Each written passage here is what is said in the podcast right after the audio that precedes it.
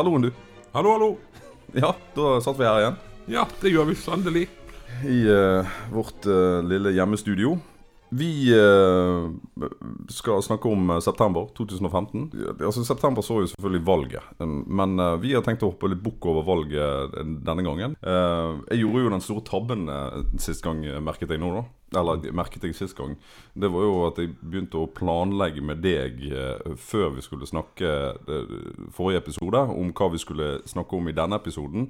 Og da begynte jo du å foregripe begivenhetene, for da kom det inn i hodet ditt, eh, rett og slett. Veldig viktig å programmere meg riktig. For det, det var jo flere andre ting som skjedde i september eh, 2015. Eh, og jeg har egentlig lyst til å begynne med en eh, sak som eh, kom ganske tidlig i september. Allerede 2. september. 2. september så ble den livløse kroppen til Alan Kurdi funnet på en strand i Tyrkia av den tyrkiske kystvakten.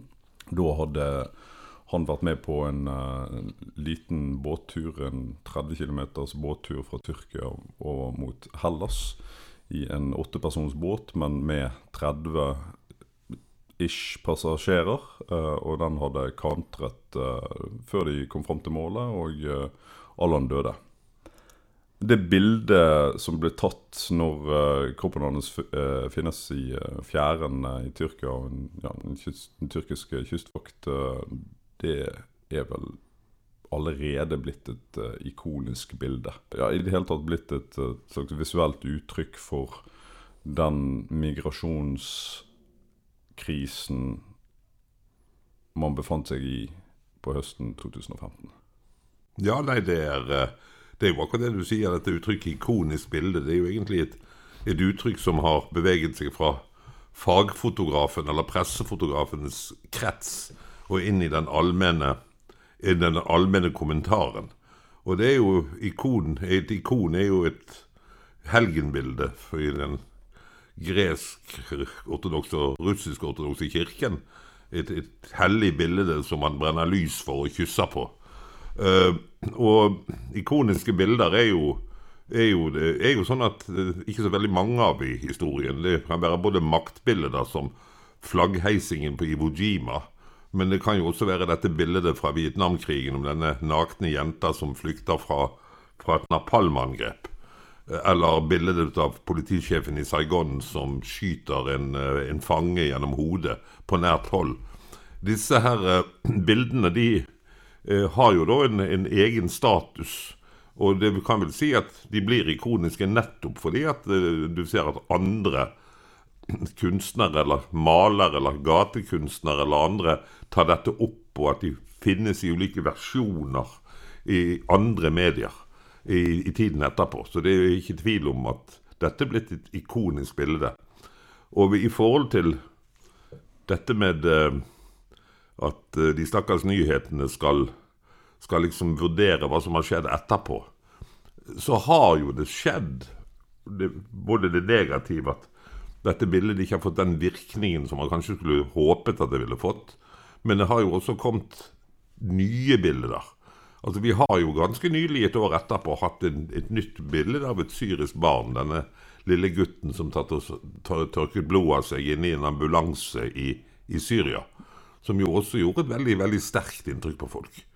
Slik at eh, bildene strømmer på. Eh, noen av dem er veldig sterke. Men eh, det frustrerende er jo at de, de synes ikke å ha den nødvendige virkning på eh, begivenhetene. Det er, jo, det er jo en ironi å snakke om bilder på radio, eh, men hva er det som gjør at bilder er så kraftfulle? Altså, du, du snakker jo her nå om at, at noen bilder har gjennomslagskraft, andre har ikke. Men de som, fokuserer på de som har gjennomslagskraft, hva er det som gjør at et bilde er mer kraftfullt enn en tekst eller uh, Ja. Uh. Jeg tror det, det aldri er bare bildet selv. Selv om selvfølgelig fotografer vil ha en tendens til å analysere det og finne at det er noe fototeknisk og måten det er satt opp på, forgrunn og bakgrunn, og at det liksom fungerer. rent fototeknisk. Det ville jo være fotografens synspunkt. Ja, altså analysen ut ifra det gylne snitt Ja, og fotoestetiske hensyn osv. osv. Mm. Eh, flaggheising på Iwo Jima, liksom linjen i flagget som liksom følger perspektivloven osv. osv. Men eh, jeg tror nok at jeg som statsviter vil si at eh, det er aldri bare bildet, det er også situasjonen. Dette bildet kommer jo på det tidspunktet der liksom diskusjonen av flyktningene var i ferd med å gå over fra å være Flyktninger gikk over fra å være noen vi skulle ha sympati for, og Angela Merkel var heltinne, til at stemningen var i ferd med å snu om. Ungarerne var i ferd med å bygge opp grensegjerdet sitt, og du hadde altså motkreftene mot de syriske flyktningene hadde begynt å mobilisere for alvor. Og eh, akkurat i denne kampsituasjonen så kom jo dette bildet inn som en eh, ja, som en uh, varm potet som ble på en måte kastet inn i debatten. Og som minnet folk om hva de sjøl hadde ment for bare noen få måneder siden, før de var begynt å bli bekymret for at det kom mange flyktninger over grensen Jakobselv, og hva, hva, det nå måtte være for noe. Så bildet kom i en situasjon der veldig mange mennesker også fikk dårlig samvittighet. Mm. Fordi at de bare begynte å bli skeptiske til flyktningstrømmen. og man hadde begynt å snakke mer om at ja, vi må bruke mer penger på å hjelpe flyktningene i Jordan og Tyrkia der de er. og Vi kan litt grenser for hvor mange vi kan ta imot. og, og, og spesielt de menneskene som i og for seg er liberale, men som har begynt å bli bekymret. Så fungerte vel bildet som en slags eh, forlengelse av flyktningsympatibølgen i forhold til det som var stemningen før det bildet ble utgitt. Så det kom på en måte på et tidspunkt der veldig mange mennesker strevde med hva de egentlig skulle mene om dette. Så jeg tror nok at du hadde en kontekst som gjorde at bildet traff. Mm. Um, hvis jeg skal be deg om å vekte det, da bare, for, altså, hva, hvor, mye, hvor, mye, har eh, konteksten å si? Hvor mye har uh, selve bildet, vakkerheten eller uh, grusomheten i bildet å si for om, for om det blir en, en, hit da, eller om det får et gjennomslagskraft? Ja, jeg ville nok ligge mesteparten på konteksten. Men jeg ville ut ifra hvis jeg hadde vært fagfotograf, så ville jeg ment noe annet. det, er en, det, er jo en, viss uh, for det. Um, det er flere aspekter ved, uh, ved bilder som uh, Av denne ikoniske karakteren som jeg, jeg syns er interessante. Men la oss ta et av de problematiske først. Mm. Og det er jo selvfølgelig forfalskninger av bildet. Mm. Um, akkurat bildet med, med, med Allan uh, er jo ikke noe forfalskning, men det er likevel en interessant liten diskusjon der det eh, blir et spørsmål om hva, hva heter gutten, hvor kommer han ifra, all den, den typen. Den informasjonen var også i en slags fluks i dagene etter at eh, bildet var blitt publisert. Men det finnes jo andre eksempler også historisk på bilder. eh, og da er jo noen av de første bildene som blir publisert i nyhetssammenheng, er jo den amerikanske borgerkrigen. Mm. Og Der er det jo bl.a. Altså, uh, uh, bilder av Ulysses S. Grant, der man har mikset en bakgrunn sammen med en forgrunn for å få et, sånt, igjen, et ikonisk bilde. Mm. Eh, det er dette eh, bildet av de falne soldatene der det er flyttet på noen rifler for mm. å få en bedre komposisjon. Og de bildene er jo blitt ikoniske, men de er jo da også eh, i, i noen grad forfalsket. Ja, du må jo huske at selveste flaggheisingen på Iwo Jima mm. er jo en fake. Det var jo faktisk slik at han fotografen som laget det bildet, han kom for seint til fotoseansen. De hadde jo invitert pressen opp for å få plagevisningen, og han hadde forsovet seg. Og han fant en gjeng med folk som drev på å grave latrine, altså grave dogrøfter. Mm. Eh, såkalt ikke-stridsdyktige soldater. Og det var de han samlet sammen til å heise flagget i en særseanse. Så disse som heiser flagget på Iwo Jima, er jo ikke frontsoldater engang. Det er altså hjelpetropper som graver latriner som da gjorde den tjenesten for fotografen som var fortvilet fordi at han ikke hadde fått vært med på flaggheisingen på Iwo Jima. Det førte jo til ganske tragiske skjebner for en del av de mennene som var med på det fotografet. For de følte jo hele sitt liv at de ikke hadde fortjent å være på bildet. Mm. Uh, slik at uh, historien om dette er jo at uh, Der har jo du liksom at det er ikke billed, billedets sannhet, men det er billedets komposisjon og billedets kontekst som, eh, som, er, som er viktig. Helliger målet middelet i disse tilfellene? Nei, altså det, det kommer jo litt an på om du er kunstfotograf eller om du er pressefotograf. Hvis du er pressefotograf, så mener jo jeg at du har en forpliktelse til at det du fotograferer, ikke skal inneholde arrangementer. Men Ja, hvorfor det? fordi at du er en pressefotograf, er en billedjournalist. Og du må stille de samme kravene til sannhet eh, for en billedjournalist som for en tekstjournalist. Mens en fotograf, en kunstfotograf eller en vanlig fotograf, han, han skal lage et bilde som sier noe. Han kan komponere. Han er mer i en situasjon som en kunstmaler. Han skal, eh, skal lage noe som fungerer, og som har en virkning, og som han da ønsker å formidle via fotografiet. Eh, Han har ikke det samme kravet til at det skal være en nøyaktig beskrivelse av, av hva som skjer, men altså, du er fri til å komponere. Og jeg tror at når du nevner disse eksemplene fra den amerikanske borgerkrigen, så er jo dette et eksempel på at nesten alle fotografer var studiofotografer den gangen. Og det som skjedde, var jo at pga. glassplateteknologien så hadde de kunnet ta kameraet med seg ut i felten. Men det, si, det var jo et, egentlig et transportabelt studio de brakte ut i felten. Og det da å komponere bakgrunner for generaler som sto oppstilt foran teltene sine og sånne ting, det var jo helt naturlig. fordi at de, hvis du ser på studiofotoene så, som er tatt av borgerskap i New York, så sitter de jo omgitt av palmeblader og eksotiske bakgrunner og gud vet hva. Så, så, så dette var jo egentlig kunstfotografer på reise, og ikke pressefotografer. Altså, uh, Yrket pressefotograf var vel nesten ikke oppfunnet under borgerkrigen. Vi har jo snakket litt om, om teknologi i tidligere episoder som, eh, som en slags uh, tilgjengeliggjøring av nyheter, men at det er også det som skaper begrepet nyheter. Men det, ser vi den samme teknologipåvirkningen innenfor fotografiet også? Ja, altså det går jo på, det går jo på fotografiets spredning.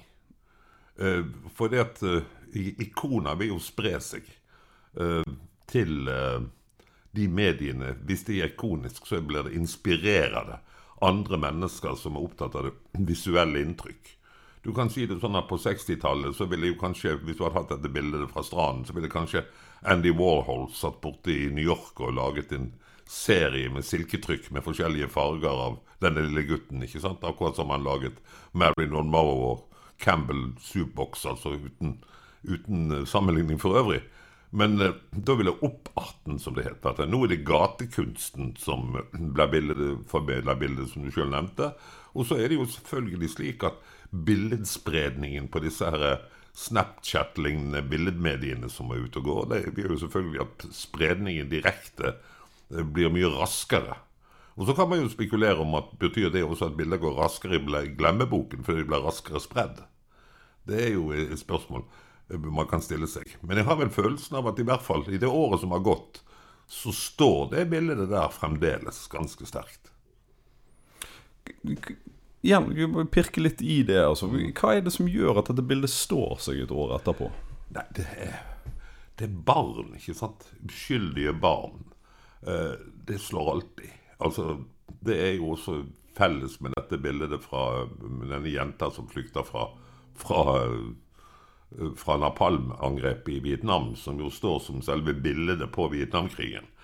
Eh, så det, jeg tror nok at det er det at en person er så til de grader uten skyld Et voksent lik på stranden, kan du si. Eh, det er jo alltid en voksen Den voksne tilhører til bare offer hadde den voksne vært med på og tatt avgjørelser som har ført til elendigheten, er vedkommende offer også i noen grad medskyldig. Eh, altså Sånne ting vil jo aldri mistenke et lite barn for. Og det gjør jo at det er liksom dette uskyldige som uh, i en konflikt der, der, det er veldig mye rasjonalitet, og vi bruker den høyre hjernehalvdelen for å forklare hvorfor russerne og amerikanerne ikke har kommet til enighet, eller hva det nå måtte være for noe, så slår jo dette rett inn i venstre hjernehalvdel. Bang, altså. Er dette Er det nyhetspornografi? Å benytte seg, altså å publisere dette bildet av et dødt barn nettopp av de grunnene som du, du snakker om, at det kicker inn på et helt, helt annet nivå? Ja, der har vi jo faktisk Det er ikke bare malurt, men det er jo, det er jo, det er jo virkelig interessant poeng, og det har jo en sammenheng med Og det gjelder jo da særlig videogrammer. Altså videoer. Men selvfølgelig også stillfotos. Men eh, det er jo denne her voldsomme skåningen av, eh, som foregår i eh, redaksjonen som er ansvarlig for å masseformidle bilder. Og det betyr jo fremdeles fjernsyn i hovedsak. Altså, fjernsynskanalene får jo såkalte feeds. Altså råteiper inn hver eneste dag til fjernsynsstasjonene. Og deskene rundt omkring i fjernsynsstasjonene i den vestlige verden, de, de skåner jo folk. Delvis er det jo sånn at de sladder folk som ønsker å være anonyme og sånt. Det er noe greit. Men det er jo også det at etter et bombeanslag, og når det ligger et hode i gaten og, fly, og, og ruller, så, og det blir filmet, så, så, så, klipper de ikke det inn i nyhetssendingen. De viser stort sett, eh, og særlig da, hvis det er barnelik det dreier seg om, så er man veldig forsiktig med å sende det ut. Så det er jo eh, slik at dette, dette bildet det unnslapp skråningen. Eh, det er jo interessant å stille spørsmålet hvorfor dette bildet unnslapp skråningen. Men det gjorde det faktisk. Men det er klart det at hver eneste dag med de bildene som kommer fra Syria Så hvis du satt i en TV-stasjon og så det som kommer inn fra telegrambyråene, det som kommer inn på råfeeden, så, så tror jeg nok at uh, veien til toalettskål ville være ganske kort for svært mange seere hvis det virkelig ble sendt ut.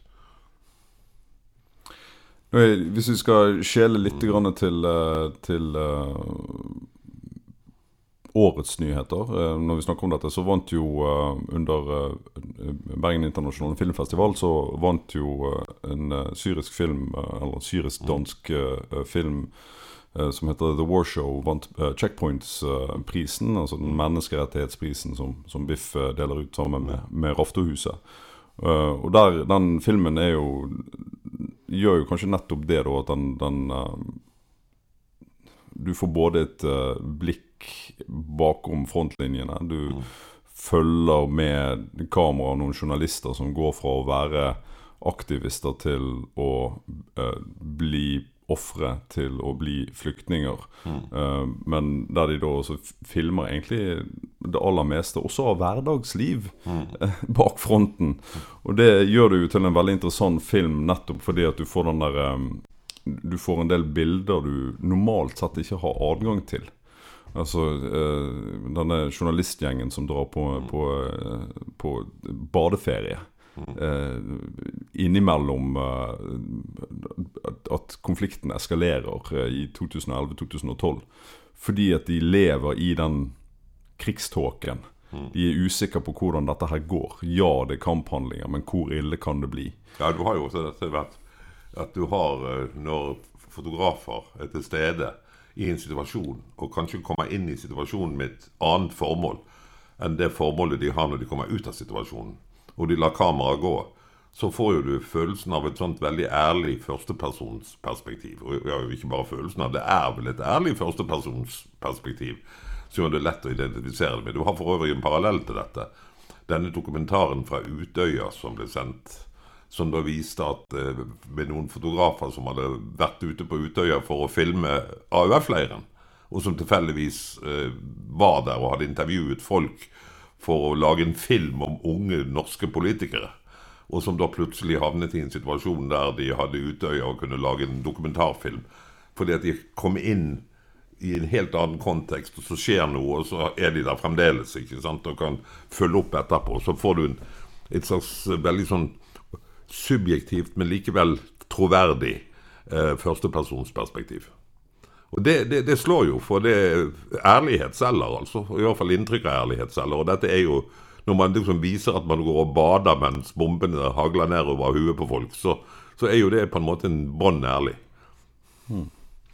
Vi skal ta og avslutte eh, denne biten her. Det, det, ja, før vi gjør det. Ja, før, før, før vi gjør det. Ja vel, ja vel. det er jo likevel litt morsomt det som er avslørt om, om billedformidlingen nettopp på disse nyeste mediene, og særlig da Facebook. ikke sant? Der eh, liksom alt fra uh, malerier fra 1700-tallet med puppedamer og til uh, Vietnam-bildet ble sensurert av uh, Zuckerbergs uh, indi, indi, underbetalte indiske sensorer. ikke sant? Som da førte til et voldsomt engasjement for at dette bildet skulle vises. ikke sant? Så du kan jo være litt, hvis du skal være veldig ironisk og si at hvis denne stakkars lille gutten på stranden i Syria hadde vært naken, så hadde han jo blitt på en måte sensurert av Facebook.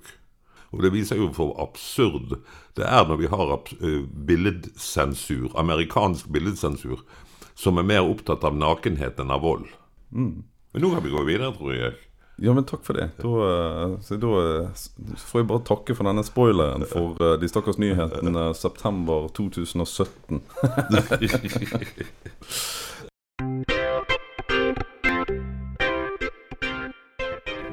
ja, jeg heter Ingvar Ambjørnsen, og jeg er forfatter, bosatt i Hamburg. Vi uh, sitter her i leiligheten din, og uh, den bærer jo preg av nyhetskonsum. hva er ditt forhold til nyheter, Ingvar? Nei, altså jeg er jo Nå har jeg bodd i, i, i, utlandet, eh, som man sier, i 35 år. Og jeg måtte velge på en måte da jeg kom hit, eh, hvor jeg ville ha blikket. Jeg valgte å ha blikket på Norge. Det vil Si at jeg eh, har i alle de åra fulgt med i sånn i detalj i hva som har foregått i Norge. Og de store trekka her nede, naturligvis. Og er nyhetsjunkie og har hatt eh, eh, altså tilgang på nyheter fra Norge. Da. Den gang, da jeg flytta hit i, i 85, uh, hadde jeg allerede da Klassekampen, husker jeg, i, og etter hvert Arbeiderblad, som jeg begynte å jobbe i. Og så hadde jeg da på nattestid så hadde jeg radiotilgang på nyheter fra Norge. Det var alltid etter at det var blitt mørkt. Og nå etter hvert da med internett, naturligvis. Men eh, sånn at i dag så har jeg av papiraviser, Klassekampen, eh, Østlandsposten, eh, Dagsavisen og Morgenbladet. Og livstidsabonnement på Gateavisa. Og, ja, og nettet, naturligvis. Så, så Og jeg har jo i, i, i omtrent alle disse åra jeg har holdt opp nå, men i alle disse eh, over 30 åra så har jeg vært tilknytta eh, en avis selv som kommentator eller spaltist. Og etter hvert som blogger. Så, så, det vært Det er derfor det ser ut sånn som det gjør her også, fordi jeg hele tida er fram og tilbake i eh, Dette er på en måte et slags månedsarkiv. Jeg er ut og inn av nyhetene hele tida. Hvilke nyheter er det som betyr noe ekstra for deg, altså for, som får eh, hjerterytmen til å øke litt, som, som, på en måte er en god nyhet for din del? Nei, altså det, det, er, jo noe, det er jo ikke noe gode nyheter, egentlig.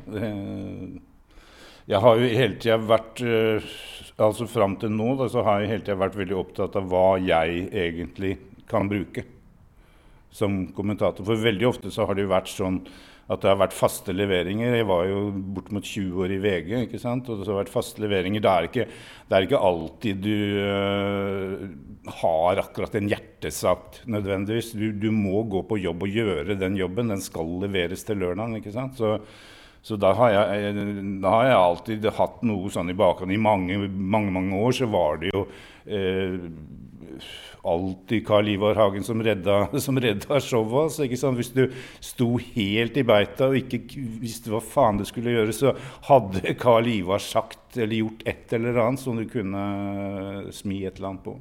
Det virker jo som det er flere politikere som bruker det som strategi, eh, og i hvert fall i, i, i år i den amerikanske valgkampen. altså på en måte Det å komme med oppsiktsvekkende uttalelser for å skape en reaksjon både i media og i en befolkning. Hva er det vi ser konturene av her? Nei, altså, det må jeg bare si. Alt som skjer i Amerika, det interesserer meg midt på ryggen. Altså, det, det er total, Jeg vet naturligvis uh, alt det der med Trump og alt det greiene der, men jeg, det er ikke noe som jeg legger meg opp i i det hele tatt. Så, men det er klart, altså, du ser jo hvordan nyhetsbildet ser ut nå. Det er Det er jo forholdsvis nytt fenomen. at er, eh, Når du går på nettavisen, og sånn, så er det jo sånn omtrent 50-50. altså Reelle nyheter og rent pølsevrøvl som er sausa sammen. ikke sant? Altså, Bare sånn bilde på det eh, som jeg merka meg for eh, det var en av de eh, nå etter hvert utallige eh, islamistiske terroraksjonene. ikke sant? Med noe fryktelig sprengning av menneskekropper og greier. ikke sant? Og, og bilder derfra, og så bilder ved siden av Det var da høstens bilde av en sånn viltgryte. Og Disse bildene ligna veldig på hverandre på mange måter. Og, det, og de er da altså på, på forsida av en av tabloidavisene som, som, likeverdige nyheter, på en måte. Dette her er eh, nyhetenes undergang. Jo, vi har faktisk diskutert i en tidligere episode eh, denne kritikken eh, som bloggerne bl.a. har fått i forhold til eh, annonsering og den typen ting, eh, og at det er en sånn usynlig type markedskrefter som de får kritikk for. Min antakelse er jo at vi bare kommer til å se mer og mer av det. Er det noe vi kan gjøre for å stoppe det, eller liksom reversere det? eller lage noe? Det er det som er det dypt problematiske med det. At det er veldig vanskelig å tenke seg at man skal kunne snu noe som helst. Det gjelder jo ikke bare nyhetene, men de som det skrives om i nyhetene også. Vi befinner oss oppe i en miljøkatastrofe. Den utspiller seg ikke kanskje i morgen, men den utspilte seg i går. Ikke sant? Og så vi er midt inne i en massedød av arter, f.eks. Og det, det, er ingenting vi kan gjøre noe med. Og det, du ser jo at det er egentlig veldig få mennesker som er opptatt av det. i Det hele tatt. Det er jo tvert imot sånn at, at det viser seg eh, at menneskenaturen er sånn at vi bekymrer oss mindre og mindre jo verre det blir. Og det er vel en slags overlevelses Eh, eh, for vår art. Eh, returnere litt til medierutiner. Har du noen jeg snakker om rutiner, men jeg har også lyst til å gripe fatt i Har du noen ritualer som du, eh, som du, pleier? Ja, det har jeg. Og det viser seg at det er, det er sånne ritualer som er egentlig ganske fastskrodde. Fordi eh, det er ikke så veldig Det er bare et par år siden jeg fant ut at jeg faktisk kunne høre norske eh, altså for, ra, Norsk radio forsvant jo her på et tidspunkt. ikke sant? Og, men så er det ikke mer enn et par år siden jeg oppdaga at jeg kunne eh, både se visse TV-programmer, men også høre norsk eh, radio på Mac-en min. ikke sant? Og det tenkte jeg oi, kjempekult. ikke sant? Men i realiteten så, så bruker jeg det ikke. Fordi mitt ritual går på når jeg står opp, spiser frokost Sett meg ned med morgenteen min, da skal jeg ha papiravisene. Det er, jo, det er jo egentlig Folk tror jo ikke det de hører. Når jeg sitter og sier at jeg leser så mange papiraviser hver dag. Og her er det jo også sånn at posten Det kommer jo i puljer, ikke sant? så jeg kan ha en fire-fem papiraviser ofte eh, hver dag. ikke sant? Og, og det, det, store problemet som jeg eh, med det, er jo, er jo at det er et miljøproblem. For at alle de papiravisene kommer pakka inn i plast fra Norge. Så egentlig så burde jeg holde helt opp med det. Men jeg er såpass gammel, og jeg har vært helt fra jeg var sånn fjortis, så har jeg vært avisleser. Altså. Så, så, det sitter i Jeg jeg må ha papiravisa. I din uh, livstid uh, som nyhetskonsument, det begynner å bli noen år siden du begynte som 14-åring, hva er den mest skjellsettende nyhetsopplevelsen du har hatt? Altså den som rystet mest med deg? Ja, det er, det er, det er Twin Towers som falt. Det er helt uten tvil. Uten sammenligning. Sånn hva er det med den nyheten som er så skjellsettende? Nei, det var bare det, altså Hvis du spør hva som liksom sånn øyeblikkelig gjorde mest inntrykk, så er jo det nesten selvsagt. Fordi det er jo så iscenesatt. Altså det er så Jeg står og snakker med eh, forlaget mitt i Oslo, ikke sant. Og plutselig så under samtalen så sier hun du, eh, har du TV der? Tror du burde skru det på, liksom. ikke sant? Og da kommer dette her, det andre flyet inn. ikke sant? Altså, og hele den der dramaturgien Alt går live på TV. ikke sant? Det er en sånn følelse av at du, er, at du lever inne i en eller annen sånn katastrofefilm. altså, ikke sant? At du er inne i den. Det er, det er virkelig. altså, ikke sant? Så, dette er ikke en actionfilm. altså. Nå er det jo mange som tror at det faktisk var det, da. det er jo også interessant.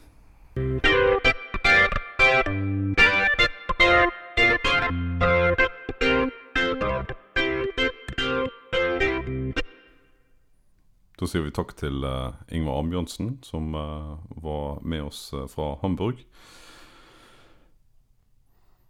Vi skal snakke om en nyhetssak som dukket opp i midten av september 2015.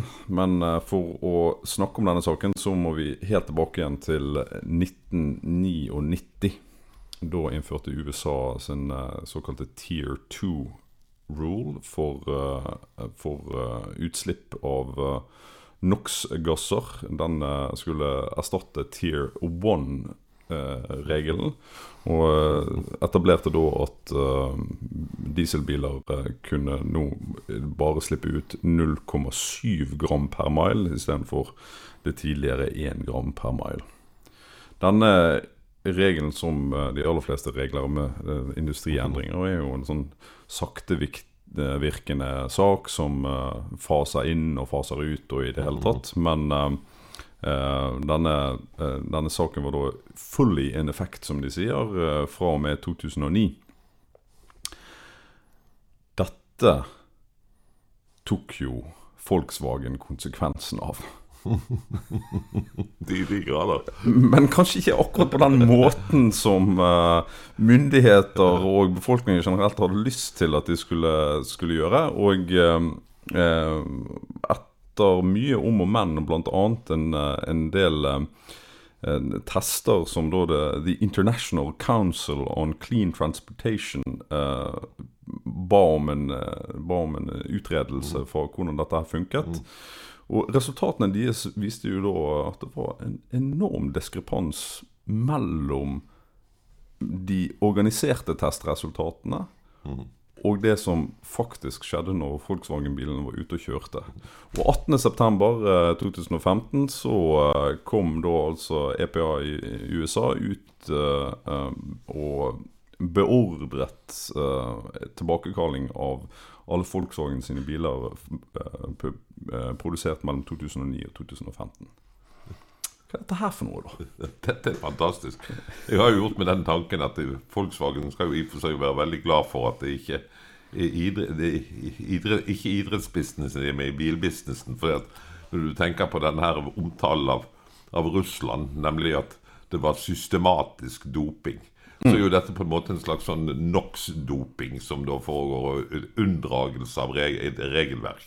Det å fuske med testene, ikke sant. Her er jo det systemisk fusk som har foregått. Og hvordan Volkswagen-sjefen kan bli sittende, er jo for meg veldig urimelig. Altså, de ga jo inntrykk av at det var noen ingeniører som nærmest på eget initiativ i årevis har drevet på og så ha-ha-ha, nå skal vi lure verden. Uten at ledelsen på noen som helst måte har vært, vært inne på dette her. ikke sant? Vinter, altså, Vinterkorn gikk jo av allerede 23.9., så det er fem dager etter at dette skjedde. Ja, det, men, men er det sånn at det er flere som burde gå av, eller er det at det, altså, den godeste ja. 'the buck stops here'-begrepet ja, det, det, det, det, det gikk av, hjalp jo selvfølgelig på. men og så er det jo dette her at Vi snakker jo veldig opp om, om det er bankskandaler. At en bank kan være too big to fail. Og problemet med Volkswagen er om de nå får noen saftige bøter fra amerikanerne og andre som er uh, byråer som er ansvarlige for å, at internasjonale avtaler opprettholdes så, så, er jo det en for stor bedrift i Tyskland til at den kan gå under. Så om de ikke er i stand til å betale boten, så vil jeg tippe at det er tyske skattebetalere som ender, opp med å måtte betale boten på et eller, på et eller annet vis. Eh, en bedrift som Volkswagen er for stor til å feile innenfor, innenfor den tyske industrien, kan du si. Slik at når disse virkelig gigantene gjør sånne ting, så eh, ender jo vi egentlig opp at de, de forurenser folket. Forgifter lungene til folket. Og så er det folket som må få lov å betale boten for at de forgiftet lungene til folket i form av skatteøkninger og andre ting. Så det er på en måte ofrene som betaler til syvende og sist, når det er sånne gigantiske selskaper som gjør det. Akkurat som det er de stakkars menneskene som ble snytt eller fikk, fikk ødelagt økonomien sin pga. bankenes uansvarlige atferd. Som til syvende og sist ender opp med å måtte betale bankenes bøter, altså. altså på ett nivå så kan man uh, si at man kan forvente at bedrifter prøver å, å utnytte såkalte loopholes. Uh, at man at På en måte kan du si at ja, men disse Volkswagen-ingeniørene var, var, jo skikkelig geniale som greide å lage et program som identifiserte når bilene ble, ble testet, og da ga de riktige, uh, riktige testresultatene, og at firmaet dermed tjente mer penger. Dersom formålet med en bedrift utelukkende er å tjene penger til sine aksjonærer.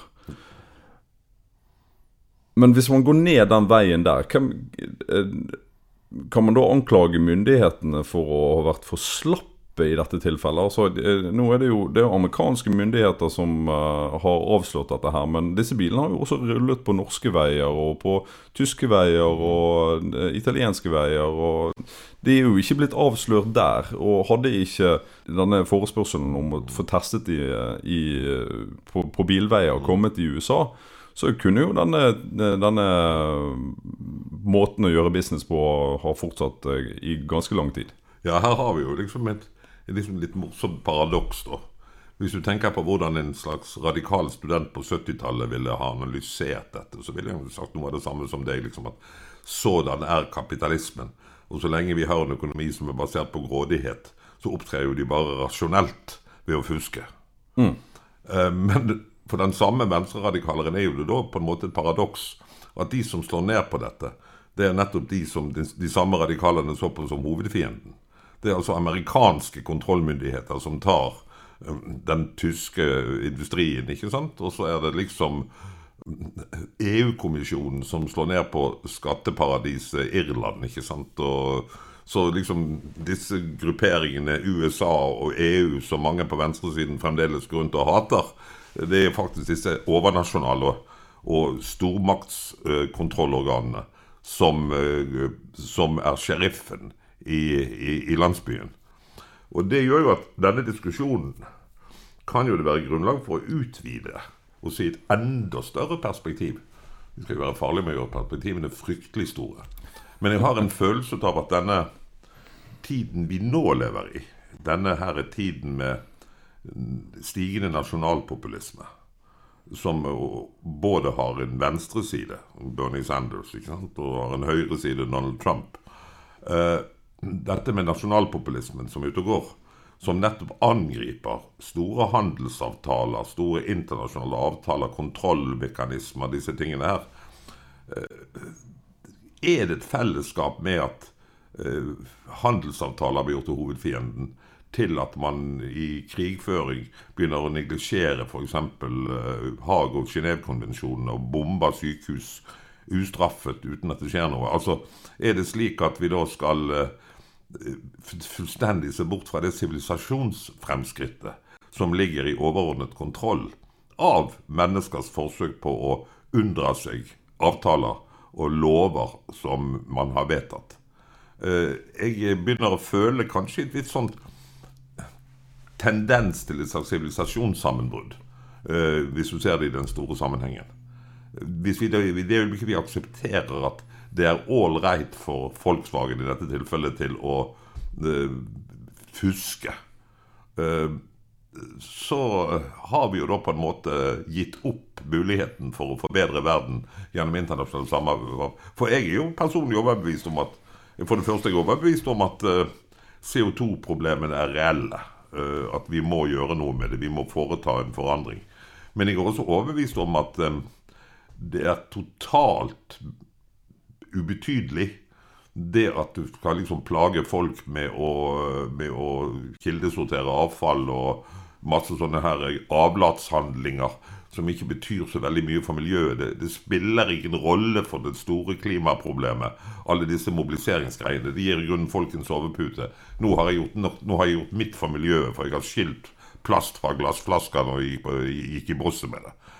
Eh, det som betyr noe, det er jo nettopp det at du ligger krav på industrien, på virksomheten. Det er jo, dette er jo et, disse store utslippsproblemene. De må løses industrielt.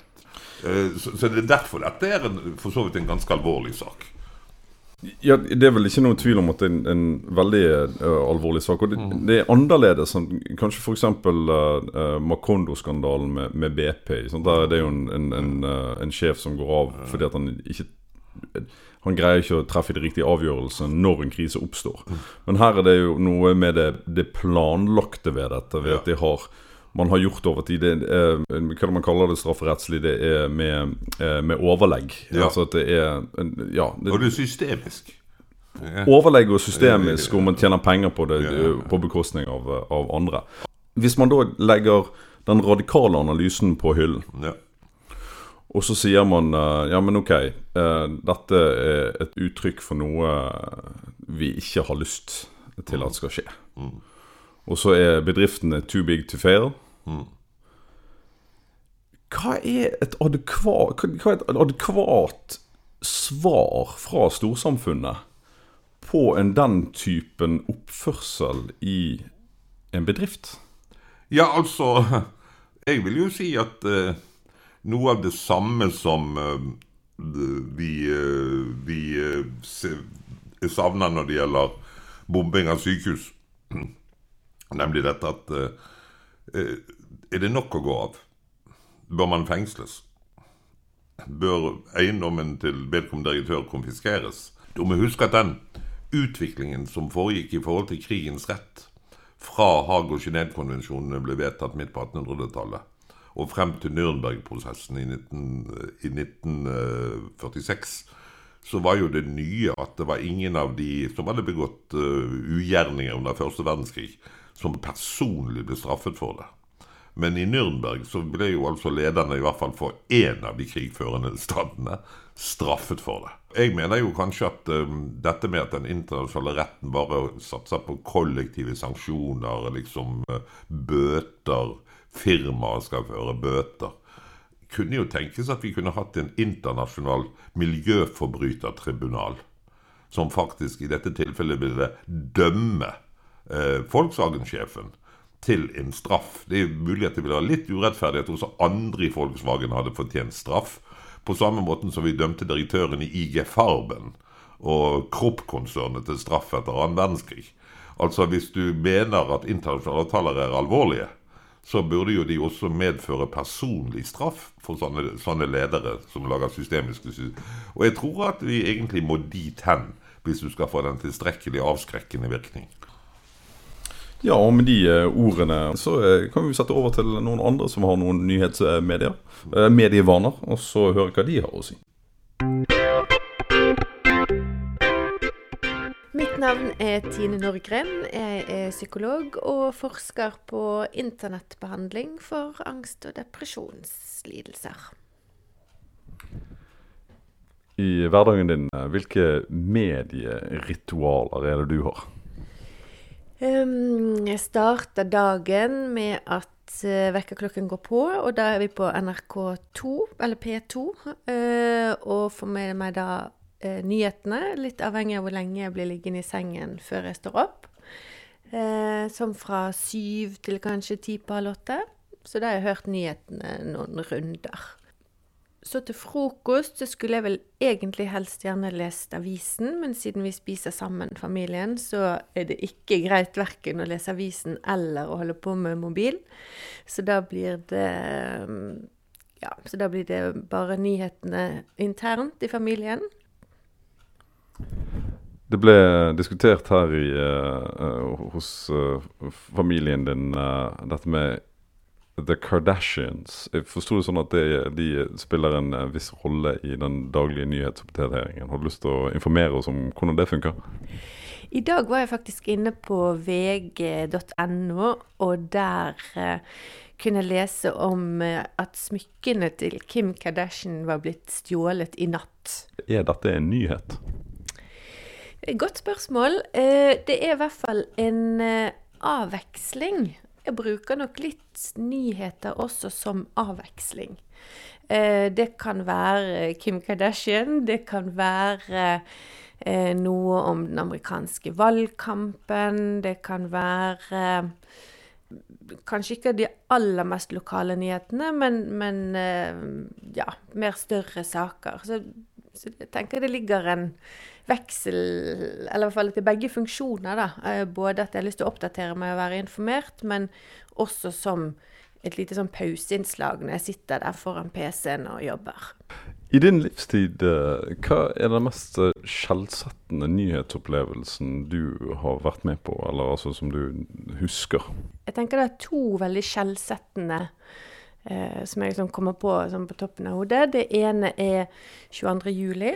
Um, som ja, selvfølgelig gjorde et kjempe, kjempeinntrykk. Og i lang tid. Jeg tenker liksom I volum og tid og der og da. Um, ja, og 11. september liksom står for meg som en annen sånn stor uh, ting.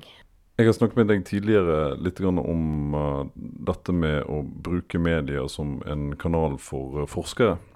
Og snakke om det man jobber med. Ja. Hva tenker du om den saken? Ja, um som forskere så har vi jo formelt sett et samfunnsansvar uh, som handler om det å fortelle om hva vi holder på med, og dele den kunnskapen vi, uh, vi holder på med. Gøy å forske på sine egne små problemstillinger. Men i hvert fall som helsearbeider og forsker, så er jo noe av motivasjonen min at disse tingene skal komme ut i verden. Um, så som den rollen jeg har på Universitetet i Bergen, hvor jeg leder en forskerskole, så er jeg blitt veldig opptatt av også at stipendiatene skal uh, jobbe med populærvitenskapelig tekst og, og ja, stille opp på intervjuer, blant annet. Og én ting er jo å formidle det i vitenskapelige artikler, men der vet vi jo at det er relativt få, både av kollegaene våre og av pasientene våre, som leser de tidsskriftene. Så det å komme ut med, med forskningen vår tenker jeg er en, en, veldig viktig ting. Og noe vi øver for lite på, syns jeg i hvert fall. da.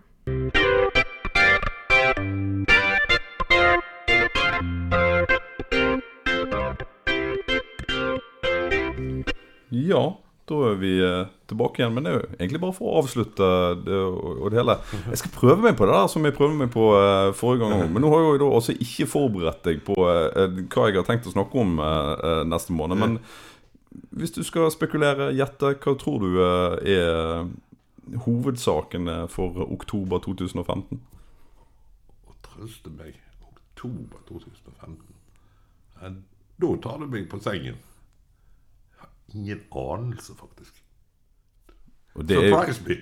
Og det er jo helt perfekt. Ja. For da kan du også tune inn på De stakkars nyhetene om en måneds tid, når vi snakker om oktober 2015. Helt bra. Takk for i dag. Ja. Hva faen skjedde i oktober 2015?